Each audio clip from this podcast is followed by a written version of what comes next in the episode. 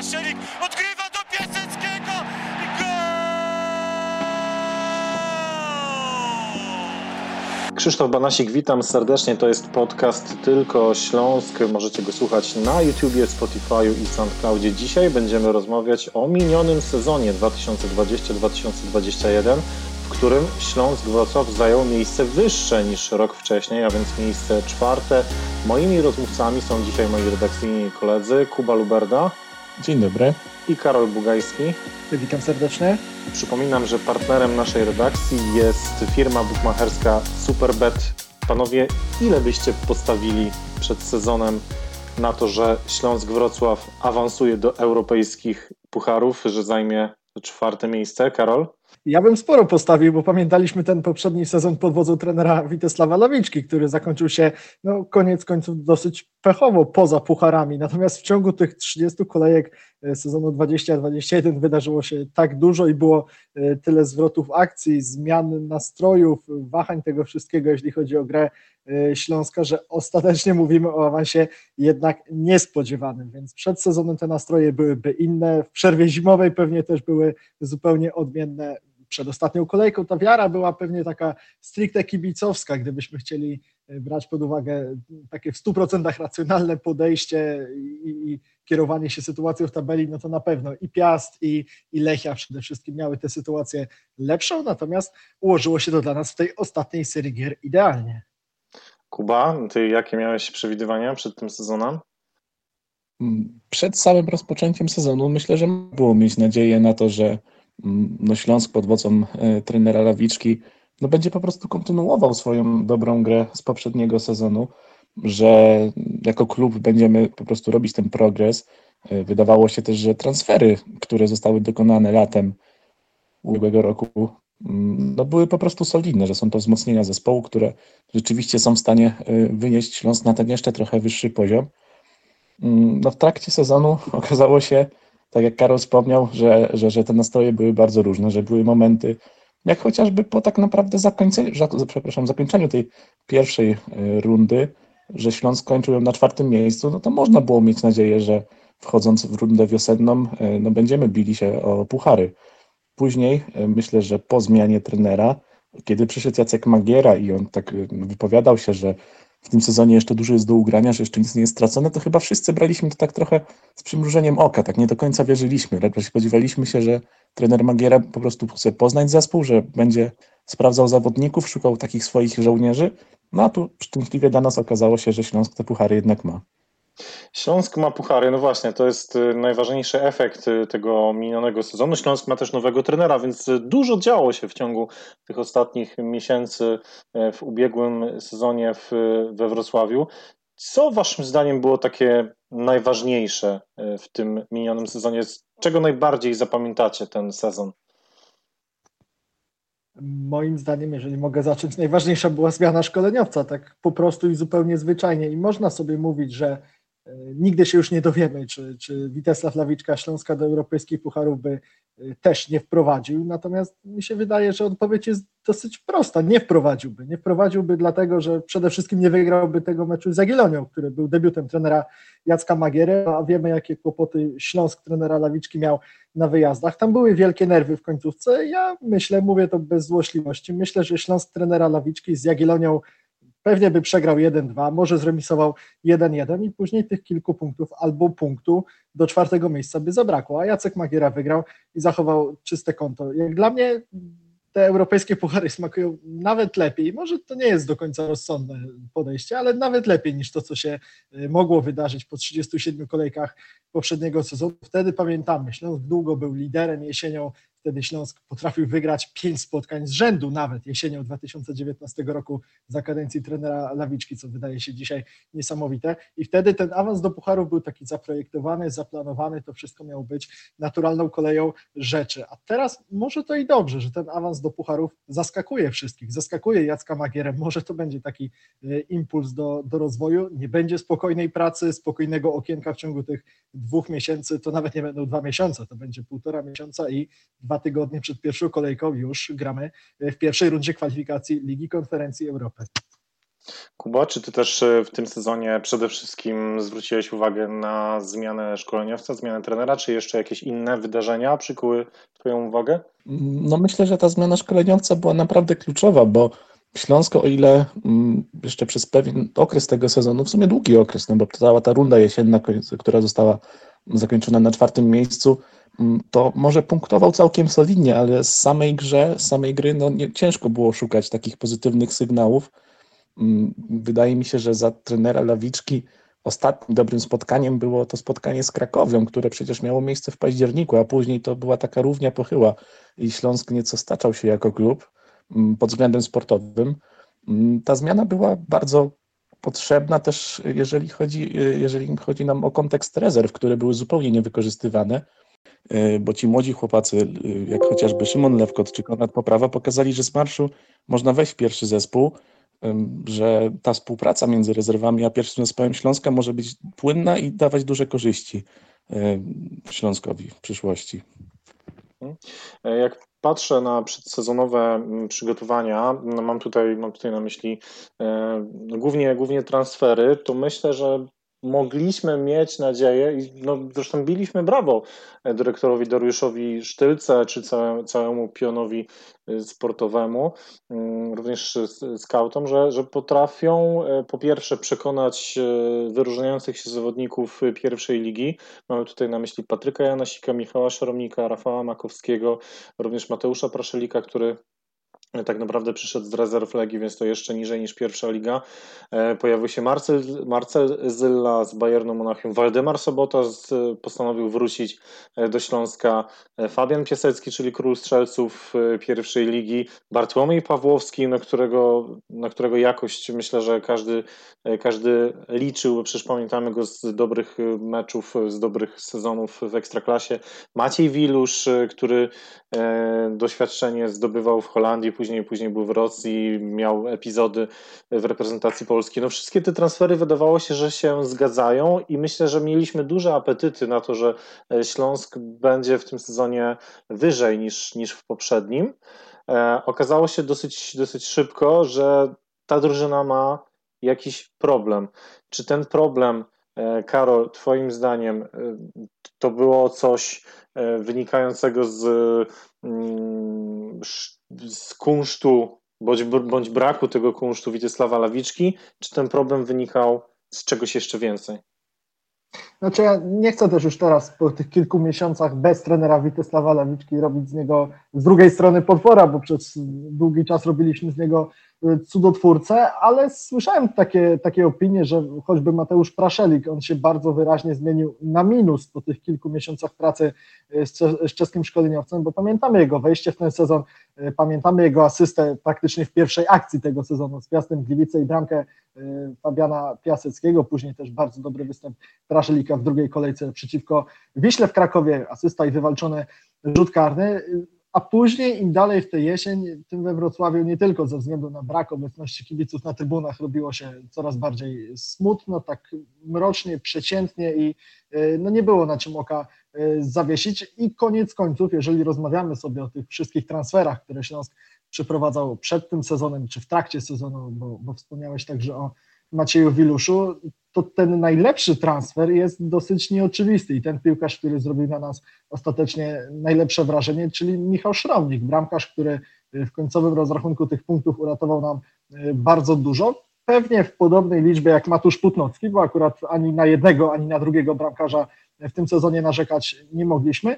Natomiast Michał Szromnik, były takie obawy, że to będzie drugi y, Daniel Kaiser i tak naprawdę po co Śląsk w drugim okienku transferowym letnim z rzędu robi, robi to samo. Sprowadził Kaisera, przekonaliśmy się, że rok temu, że no to nie miało większego sensu, bo on nawet nie dostawał szansy w Pucharze Polski. Tam przeciwko Widzewowi w poprzednim sezonie także grał Putnocki, a w lidze y, trener Lawiczka nie miał powodów, żeby rotować. Ze Szlownikiem było trochę inaczej. Oczywiście dopisało mu szczęście, bo pecha miał y, dwukrotnie z powodów zdrowotnych y, Putnocki, ale Szlownik świetnie te szanse potrafił wykorzystywać i w nagrodę otrzymał też nowy kontrakt, przedłużenie umowy na rok przed wygaśnięciem dotychczasowej, co też pokazuje naprawdę duży poziom zaufania dla tego zawodnika.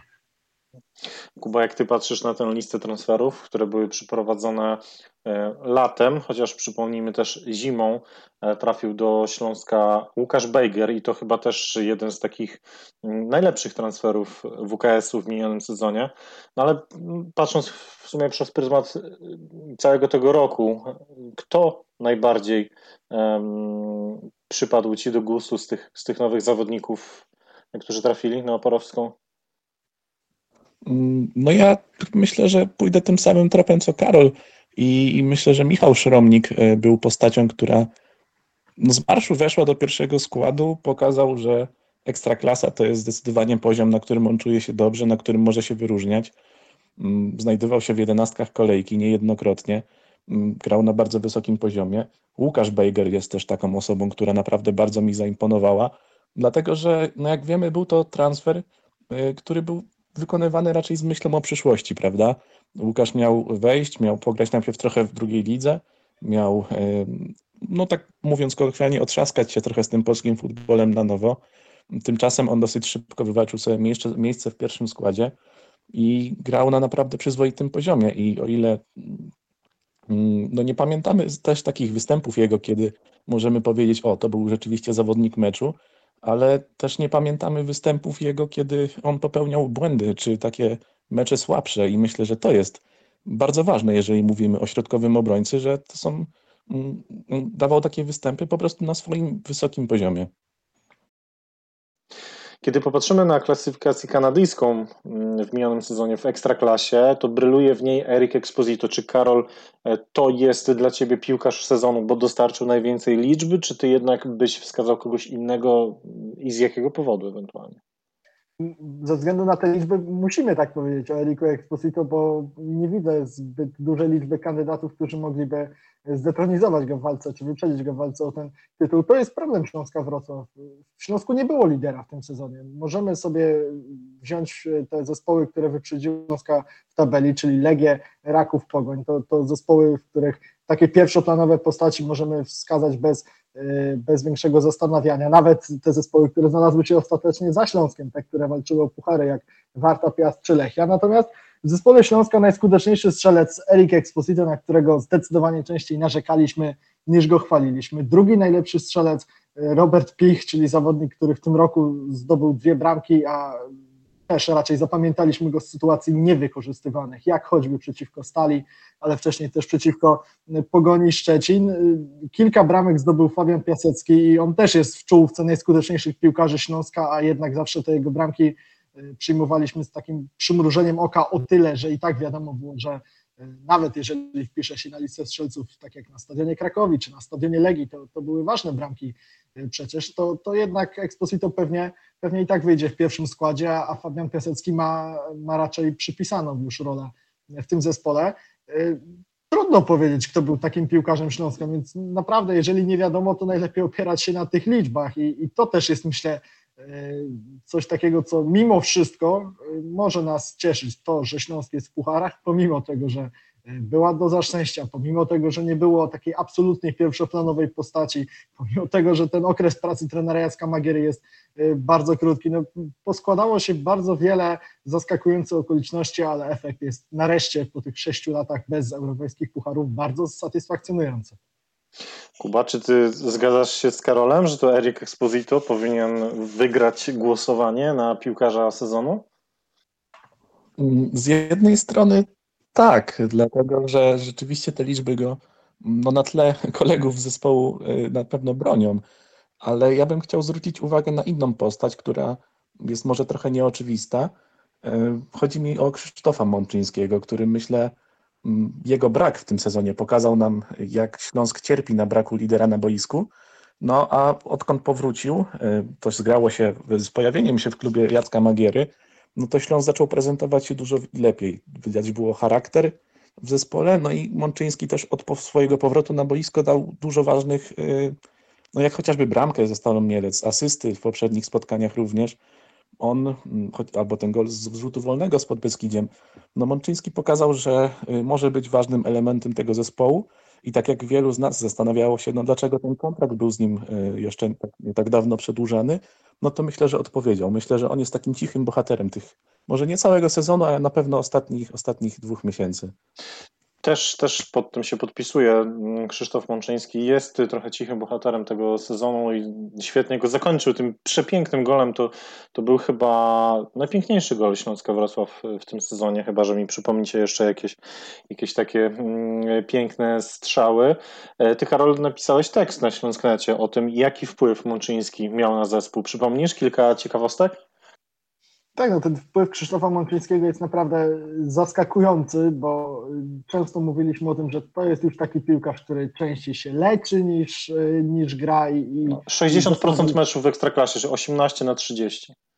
No właśnie, natomiast kiedy on już grał, to ta średnia punktów zdobywanych przez Śląsk była wyższa o prawie, no powiedzmy, o 40 setnych, o prawie pół punktu więcej niż e, kiedy Krzysztofa Mączyńskiego nie brakowało i to też jest, e, to też jest znaczące o tyle, że ta liczba meczów rozegranych przez kapitana Śląska Wrocław w tym sezonie rozkłada się niemal porówno, 18 meczów rozegranych, 12 12 nierozegranych. Krzysztofa Mączyńskiego brakowało na początku tego roku. Ja nie wiem, czy to dlatego Śląsk wtedy tak słabo wyglądał i to ostatecznie doprowadziło do zakończenia współpracy z trenerem y, Witesławem Lawiczką. Natomiast no, jeżeli popatrzymy sobie na te y, suche liczby, też Śląsk zdobywał więcej bramek, kiedy na boisku był Krzysztof Mączyński, mniej ich tracił. No to wszystko, to wszystko przełożyło się na to, że mówimy o piłkarzu, który na pewno odegrał E, bardzo ważną rolę i będziemy też liczyć na jego międzynarodowe doświadczenie w kolejnych e, tygodniach czy miesiącach, miejmy nadzieję, bo jeżeli chcemy sobie e, ocenić, który z piłkarzy tej, z tej kadry Śląska ma, ma to doświadczenie na arenie międzynarodowej, czy w europejskich pucharach, czy w reprezentacji największy, to pewnie gdzieś obok Piotra Celebana, to to na Krzysztofa Mączyńskiego będziemy zwracać uwagę. No, Krzysztof Mączyński, który rozegrał tylko 60% meczów w Ekstraklasie w klasyfikacji kanadyjskiej, zajmuje e, miejsce numer 4, ma, tych, ma punktów 6, tyle samo co Mateusz Praszelik, e, a więc e, no, to w jakimś sensie robi, robi wrażenie. No, dodatkowo trzeba, trzeba na pewno mm, podkreślić walory mentalne tego, jaki wpływ ma Krzysztof Mączyński, czyli kapitan WKS-u na e, wszystkich, wszystkich dookoła. No, trener Lawiczka można powiedzieć, że miał trochę pecha, bo w tym najgorszym okresie, e, kiedy zespół grał na, najgorzej, dodatkowo jeszcze musiał sobie radzić e, bez no, lidera środka pola i chyba też trochę lidera tej drużyny. No, z jednej strony mm, takim liderem możemy powiedzieć, że był Eryk Exposito, bo zdobywał najwięcej goli. Z drugiej strony, mm, no jednak Krzysztof Mączyński jako piłkarz mający trochę większy wpływ na poczynienia drużyny, też, też takim liderem zdecydowanie był i chyba trudno nam sobie wyobrazić drużynę Śląska w przyszłym sezonie bez Krzysztofa Mączyńskiego. Oczywiście on ma e, jeszcze ten słynny, e, ważny kontrakt, no i być może jego doświadczenie też będzie e, bardzo cenne w europejskich pucharach, w nowym, nowej formule, trzeciej lidze europejskich pucharów, Liga Konferencji Europy. Wy cieszycie się, że, że Śląsk będzie reprezentował Polskę na arenie międzynarodowej, no bo niektórzy uważają, że, że to w ogóle nie ma sensu, że przecież to jest no właśnie ta trzecia Liga Europejskich Pucharów i, i będziemy się mierzyć z jakimiś e, przeciętnymi drużynami z krajów, do, w których wydaje nam się, że piłka jest na jeszcze gorszym poziomie niż, niż, niż w Polsce, więc te, ci rywale teoretycznie nie będą jacyś bardzo atrakcyjni, przynajmniej w tych, w tych pierwszych rundach, a i tak mówi się o tym, że Śląsk z nimi e, odpadnie, chociaż nie wiadomo jak w ogóle ta drużyna będzie skonstruowana latem. Kuba, jak ty się zapatrujesz na to, jaka jest twoja opinia? No ja uważam, że te puchary dla Śląska mogą być bardzo mm, przydatną rzeczą, dlatego że jeżeli Śląsk chce się rozwijać jako drużyna, jeżeli chcemy rzeczywiście z roku na rok no, stawiać kolejne to kroki, to takie doświadczenie, nawet jeżeli wrocławski zespół miałby odpaść gdzieś w pierwszych rundach tego, no, tej ligi konferencji, to mm, no zawsze będzie to doświadczenie dla tych zawodników i Mm, tutaj mamy oczywiście w składzie takich, e, no, można powiedzieć, wyjadaczy jak Krzysztof Mączyński, którzy już kawałek Europy e, zobaczyli, którzy z reprezentacją też zagrali już na najwyższym poziomie. No ale są też przecież młodzi chłopacy pokroju Łukasza Bejgera, który, no okej, okay, on akurat grał w Anglii, w Manchester United, ale chociażby ci wszyscy z rezerw typu Konrad Poprawa czy Szymon Lewkot. Dla nich takie doświadczenie, nawet jeżeli mieliby przegrać te mecze, to będzie bardzo cenne i na następne sezony, zakładając, że Śląsk będzie się rozwijał i może jeszcze raz wejdzie do tych pucharów, no będzie bardzo cenne. Karol, uważasz, że Śląsk może zyskać na grze w europejskich pucharach, czy bardziej stracić, jeżeli odpadnie już na przykład po pierwszej rundzie? Znaczy, to wszystko też pokaże, jaki pomysł na Śląsk Wrocław ma trener Jacek Magiera i jaką te europejskie puchary będzie chciał wykorzystać. Już nawet nie mówię o samej walce, ewentualnie o fazę grupową Ligi Konferencji Europy, ale też o to, co dziać się będzie później w trakcie rozgrywek ligowych. Mówił kiedyś Michał Probierz o tym e, pocałunku śmierci europejskich pucharów. Wszyscy się z tego śmialiśmy czy uśmiechaliśmy, natomiast od tych słów wtedy minęło już kilka lat i widzimy, że kolejne przykłady zespołów ekstraklasy potwierdzają, że coś takiego jak ten e, pocałunek śmierci jest, bo, bo nie sztuką jest faktycznie powalczyć siebie wszystko w lipcu, w pierwszej, drugiej rundzie, kiedy jest ciepło, kiedy jest przyjemnie, kiedy gdzieś na horyzoncie jeszcze e, majaczy ta wizja gry w europejskich pucharach, ale kiedy przychodzi listopad, grudzień, na trudnych murawach, w śniegu, w deszczu, czasami bez udziału publiczności, tak jak w tym sezonie, e, trzeba się kopać z Beniaminkami albo, albo walczyć z bardzo takimi charakternymi i fizycznymi zespołami, to tobie jako Pucharowiczowi, który sezon zaczyna najwcześniej, po prostu zaczyna brakować sił i później to się odbija tabeli. No zresztą ten przykład Piasta z sezonu 2021 jest najbardziej jaskrawy, bo Piast pierwszy mecz wygrał w połowie listopada, a był o mały włos od awansu do europejskich pucharów. To wszystko, co dobre dla niego, wydarzyło się e, właśnie wiosną. Ja z, z awansu do europejskich pucharów, czy do kwalifikacji europejskich pucharów bardzo się cieszę, bo uważam, że jest to taki sygnał do rozwoju. Nazajutrz po tym meczu ze Stalą w poniedziałek chodziłem tak, tak zadowolony i uśmiechnięty, że dawno czegoś takiego po meczu Śląska nie czułem, może też ze względu na te okoliczności, które towarzyszyły spotkaniu e, ze Stalą Mielec. Pamiętajmy też, że ta Liga Konferencji Europy, bo my nie znamy tych rozgrywek, poznajemy je tak naprawdę z każdym kolejnym tygodniem, to, to, to nie będzie coś takiego, w którym, to, to nie będą rozgrywki, w której e, znajdą się, nie wiem, 10 zespołów z Malty, 5 z Luksemburga, jeszcze kilka e, słabych lig europejskich i do tego trzy zespoły z Polski. Tam znajdzie się między innymi 16 zespołów z Ligi Europy. Liga Europy jest pomniejszana z 48 do 32 drużyn, 15 zespołów spada do Ligi Konferencji Europy i tylko 16 miejsc jest niejako nowych, więc tam też będą poważne zespoły, tam też będzie na przykład zespół, nie wiem, nie chcę tutaj strzelić jak kulo w płot, ale powiedzmy z ósmego miejsca w Bundeslidze czy, czy w lidze angielskiej, no to nie są zespoły, z którymi się będzie wygrywało szybko, łatwo i, i przyjemnie. Trzeba powalczyć, dobrze, że, że będzie ten powiew Europy we Wrocławiu. Zobaczymy, jak długo. To ja jeszcze wtrącę się na chwilę, dlatego że mówimy o zespołach, które e, w tej lidze e, mogą się pojawić. I tutaj e, chociażby z angielskich zespołów to przecież może być równie dobrze Arsenal czy Tottenham, czyli no przecież bardzo znane i uznane europejskie marki. Także mm, no, to doświadczenie w lidze europejskiej może być naprawdę bardzo cenne. No, żeby zagrać, żeby zmierzyć się z takimi ekipami, trzeba będzie kilka tych rund w europejskich pucharach. W tej lidze konferencji Europy mm, jeszcze mm, no, przejść, zaliczyć, e, pokonać tych kilku przeciwników. E, Zobaczymy, czy Śląskowi się to uda. Na pewno będziemy to jeszcze analizować, na pewno będziemy o tym rozmawiać, także śledźcie Śląsknet, mm, bo tam na pewno informacje na ten temat będą się pojawiać, na temat możliwych przeciwników e, Śląska. No zresztą losowanie też przed nami, na pewno będziemy też e, e, o tym losowaniu pisać, mówić i być może relacjonować. Mm, czy waszym zdaniem Śląsk potrzebuje dużo wzmocnień, dużo korekt, żeby mm, coś zwojować w Europie, no i też połączyć to oczywiście z grą w Ekstraklasie, z grą w Pucharze Polski, który, no jak doskonale wiemy, pamiętamy, nie jest dla nas, no mówiąc y, łagodnie, szczęśliwy w ostatnich e, latach. No, pięciu zawodników już ze Śląskiem się pożegnało, nie ma Izraela Puerto, nie ma Mati Skaleta, Guillermo Cotunio, Macieja Wilusza i Dariusza Szczerbala, a więc gdzie, Karol, albo może teraz Kuba, tobie damy szansę na dłuższą wypowiedź, gdzie Śląsk powinien szukać wzmocnień. No ja myślę, że z tych, najpierw zaczniemy może od zawodników, którzy odeszli. No to poza Izraelem Puerto, szczerze mówiąc, ja nie widzę tutaj zbyt takich mocnych osłabień. Oczywiście Matthew Scalet y, jest zawodnikiem, który no, przez pewien okres tego sezonu był taką jasną postacią i na pewno prezentował się na wysokim poziomie, no ale mimo wszystko traktowałbym go jako taki mm, mm, no, jakiego takiego jako zawodnika szerokiego składu, który czasem wejdzie, czasem zagra, czasem nie, więc to odejście nie powinno Śląska boleć aż tak bardzo.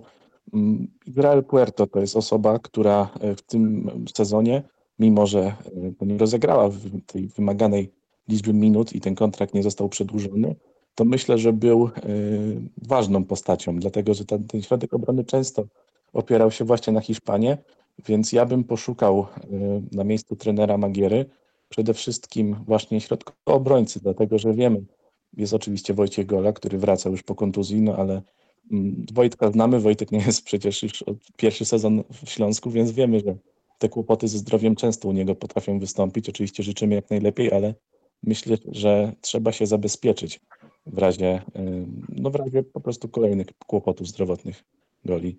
I pomyślałbym też nad napastnikiem, bo oczywiście mówiliśmy tutaj wcześniej o Eriku Exposito jako o zawodniku, który na przestrzeni całego sezonu no może tych goli zdobył najwięcej w Śląsku, no ale w dalszym ciągu jest to tylko 9 bramek w 30 spotkaniach możliwych do rozegrania. To jest myślę, że słaby wynik. I tutaj e, widziałbym takie pole, na którym Śląsk może się jeszcze poprawić.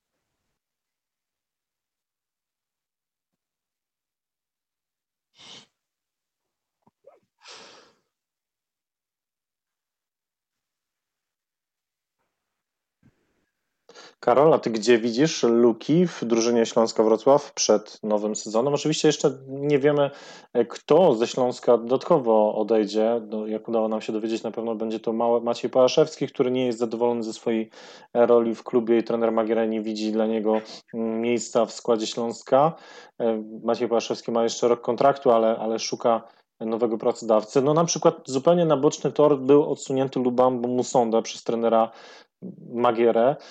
Myślę, że nieco zawiódł nas wszystkich Rafał Makowski, ale, ale no panowie Magiera i Makowski znają się e, z przeszłości i myślę, że tutaj jest szansa, że trener będzie chciał dać mu szansę, żeby ten się odbudował. No to był trudny sezon dla Makowskiego. E, kontuzje, koronawirus, e, to chyba jeden z większych zawodów generalnie transferowych.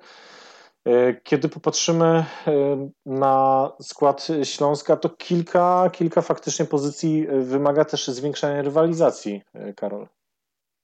Tak, ja myślę, że ta pozycja stopera jest o tyle ważna, że odchodzi aż dwóch z tych pięciu piłkarzy, których Śląsk już pożegnał, to, to właśnie są środkowi obrońcy. Izrael Puerto, Maciej Wilusz, ta sytuacja zdrowotna Wojciecha Golli, o którym sobie tutaj rozmawiamy, też, też stanowi pewną zagadkę po tak długiej przerwie, w dodatku po drugiej e, tak poważnej kontuzji e, w ciągu roku. Trener Jacek Magiera po meczu ze Stalą Mielec powiedział właśnie o pozycji środkowego obrońcy, także o środkowym pomocniku i o wahadłowym, bo wydaje mi się, że zwłaszcza ta, ta ostatnia pozycja w ustawieniu proponowanym przez szkoleniowca Śląska Wrocław jest bardzo istotna. On musiał zaadoptować swój Śląsk do takiego grania, mając tych wykonawców, których zastał po trenerze Witysławie co musiał działać w ciągu tych dwóch miesięcy na tych wykonawcach, którzy w klubie już byli, z różnym skutkiem, bo wiemy, że tam pojawiały się e, różne eksperymenty, najczęściej grali Dino Sztyglec i e, Patryk Janasik, natomiast szczególnie w przypadku Sztygleca mieliśmy często wątpliwości, czy on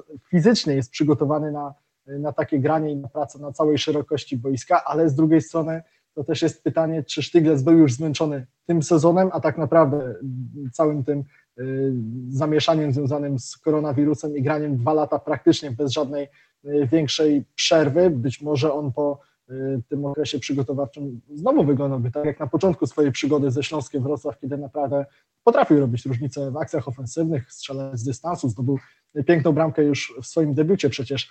Dino Sztyglec, wspomnieliście o, o Musondzie, on też miał trochę pecha, bo oczywiście akurat to przyjście trenera Jacka Magiery w marcu zdarzyło się w trakcie przerwy na mecze reprezentacji, kiedy Musonda był w Zambii. Wiadomo, że te, te, jego powroty, podróże to zawsze zajmuje mnóstwo czasu, on też wracał w różnej dyspozycji fizycznej, czasami zdarzało się, że trener Lawiczka w tym pierwszym meczu po kadrze sadzał go jeszcze na ławce rezerwowych, chociaż w normalnych okolicznościach by tego nie zrobił, ale Musonda po prostu był, był zmęczony, później też była kontuzja i y, Musonda faktycznie u trenera Magiery wystąpił tylko w jednym meczu z Zagłębiem, ale wydaje mi się, że on po tych dwóch miesiącach od początku walki w nowym sezonie może być takim piłkarzem, na którego Jacek Magiera y, będzie stawiał. Przede wszystkim pytałeś Krzysztof o te plany transferowe i o to, jak Śląsk powinien się przygotować na y, walkę w europejskich pucharach. Mi się wydaje, że przede wszystkim Śląsk nie powinien wszystkiego y, podporządkowywać tym, tym pucharom. Widzimy to po dacie wznowienia treningów, ona jest niezmienna pomimo wywalczenia prawa startu w Europie i podobnie powinno być z transferami. Zobaczymy, co przygotuje mm, Dariusz Sztylka. No, w poprzednie dwa okienka transferowe myślę, że możemy zaliczyć do udanych, chociaż e, no, tacy piłkarze jak Rafał Makowski, Marcel Zyla, przede wszystkim chyba Waldemar Sobota i Bartłomiej Pawłowski to są, mm, to są jednak e, zawody. No, Maciej Wilusz to w ogóle temat tak naprawdę na zupełnie osobną rozmowę. No, wychowanek Śląska był wypożyczony z Rakowa, ale e, no, na boisku pojawił się tylko w momencie, kiedy mm, Śląsk po spotkaniu ze Stalą Mielec chciał mu podziękować za spędzony czas w klubie, a więc kilka takich niewypałów myślę, że e, się pojawiło, bądź po prostu kilka zawodów, no potencjalnie i Sobota mm, i Pawłowski przecież e, to zawodnicy na naprawdę dobrym poziomie, oczywiście patrząc przez pryzmat E, polskiej ligi, ale z jakiegoś powodu nie potrafili w tym sezonie zaprezentować tego, z czego ich pamiętaliśmy. Mnie bardzo ciekawi, jak Waldemar Sobota będzie się sprawował e, w nowym sezonie już pod wodzą trenera Jacka Magiery, który trochę odkrył go na nowo. E, wydaje mi się, że trener Lawiczka zamęczył go, wystawiając go na pozycji środkowego pomocnika, często jeszcze tego tego cofniętego, e, nie na pozycji numer 10. Tymczasem no, trener Magiera daje mu szansę grać bliżej bramki rywala. Wydaje mi się, że tutaj e, Waldemar Sobota wygląda trochę lepiej i to może być jed, jeden z celów trenera Magiery e, Kuba, żeby trochę odbudować, odblokować niektórych zawodników, właśnie głównie chyba Sobotę, Pawłowskiego. Wiemy, że Zylna ma kontuzję, on będzie, on będzie pewnie mm, e, też, też mm, tutaj brany mm, pod uwagę jako ten zawodnik, nad którym trzeba trochę więcej popracować. Ciekawi mnie też roz, dalszy rozwój Mateusza e, Praszelika. Tak, ja jeszcze na początek odniosę się nieco do tych transferów, bo ja jestem zwolennikiem e, takiego podejścia, że transfery powinny oceniać się no, w momencie, kiedy one były dokonywane. I uważam, że to, co Dariusz Tylka zrobił y, i sprowadzenie właśnie Soboty, Pawłowskiego i całej tej wymienionej wcześniej reszty, mm, no to były po prostu bardzo dobre transfery i wtedy wydawały się one trafione. Tak naprawdę jedynym takim nieudanym, trochę mm, dziwnym posunięciem było sprowadzenie rzeczywiście Maćka Wilusza, dlatego że no wszyscy wiedzieli, że on ma kłopoty zdrowotne, że sprowadzany jest w momencie, gdy jeszcze leczył swoją e, poprzednią kontuzję. No i to jest taki mały kamyczek do ogródka. Jeżeli chodzi o resztę, to były pozytywne transfery. Mm, a wracając do, do meritum pytania, mm, to, to pole, y, na którym jeszcze można poczynić progres, y, u zawodników Śląska jest naprawdę ogromne, bo widzieliśmy y, na podstawie tego sezonu naprawdę wielu zawodników, którzy mm, momentami pokazywali nam, że potrafią grać piłkę, że mogą być po prostu nawet wyróżniającymi się postaciami na tle ekstraklasy, no ale coś tam jednak w ostatecznym rozrachunku nie zagrało. I tutaj mówimy oczywiście o Sobocie, mówimy o Makowskim, mówimy o Pawłowskim i w Śląsku jest wiele zawodników, którzy w przyszłym sezonie będą mieli coś do udowodnienia, którzy będą chcieli pokazać, że mm, ten sezon 2020-2021 mm, był trochę gorszy w ich wykonaniu, no może tylko ze względu, może przez przypadek, może przez niefortunny e, zbieg wydarzeń, który, których było naprawdę wiele. I tu nie mówimy tylko o kontuzjach, tylko o całej tej sprawie związanej z koronawirusem, z no, zamieszaniem też wokół klubu, no bo jednak zmiana trenera też y, robi swoje. I ja liczę na to, że ci wszyscy zawodnicy po prostu y, poczynią pewien progres, że to będzie ciągły rozwój. A trener Magiera myślę, że jest y, takim fachowcem, że on no będzie starał się wydobyć z nich to, co najlepsze i przede wszystkim mm, widzimy od początku pracy trenera Magiery, że on oczekuje od zawodników zaangażowania, że od nich, od nich naprawdę dużo wymaga. No a z takim podejściem, jeżeli y, cały skład Śląska się do tego podporządkuje, no to każdy z nich może stać się po prostu tylko lepszym zawodnikiem, więc ja jestem dobrej myśli. Ciekawe transfery, zamieszanie związane z koronawirusem, kryzys formy, zmiana szkoleniowca, zmiana taktyki, awans do europejskich pucharów tak naprawdę mm, wywalczony na boisku w Białym Stoku przez Lechię Gdańsk. Myślę, że każdy kibic Śląska wie, E, o czym mówię, będzie co wspominać. Takie mam wrażenie. Sezon 2020-2021 się zakończył. E, będziemy pewnie jeszcze do niego mm, wracać myślami, no bo dużo się działo po prostu w tym sezonie. Dużo dobrych rzeczy, dużo ciekawych rzeczy, e, trochę też złych. Zobaczymy, co przyniesie nam kolejny, kolejny sezon. My jeszcze nie kończymy oczywiście działalności na Śląsknecie, no bo przecież grają drużyny młodzieżowe, grają kobiety, gra drużyna rezerw, więc warto Śląsknet odwiedzać. No i wkrótce też mała niespodzianka, zapraszamy w poniedziałek rano, mała niespodzianka się pojawi na Śląsknecie. Ciekawi jesteśmy, jak na nią e, zareagujecie. Tyle na dzisiaj. Dziękujemy serdecznie. Moim, e, roz, moimi rozmówcami byli Kuba Luberda. Dziękuję. I Karol Bugajski. Dziękuję. A ja nazywam się Krzysiek Banasik. Dziękuję, pozdrawiam wszystkich czytelników Śląsknetu. To był naprawdę udany sezon nie tylko dla Śląska, ale myślę, że też dla Śląsknetu. Pozdrawiamy. Hej Śląsk!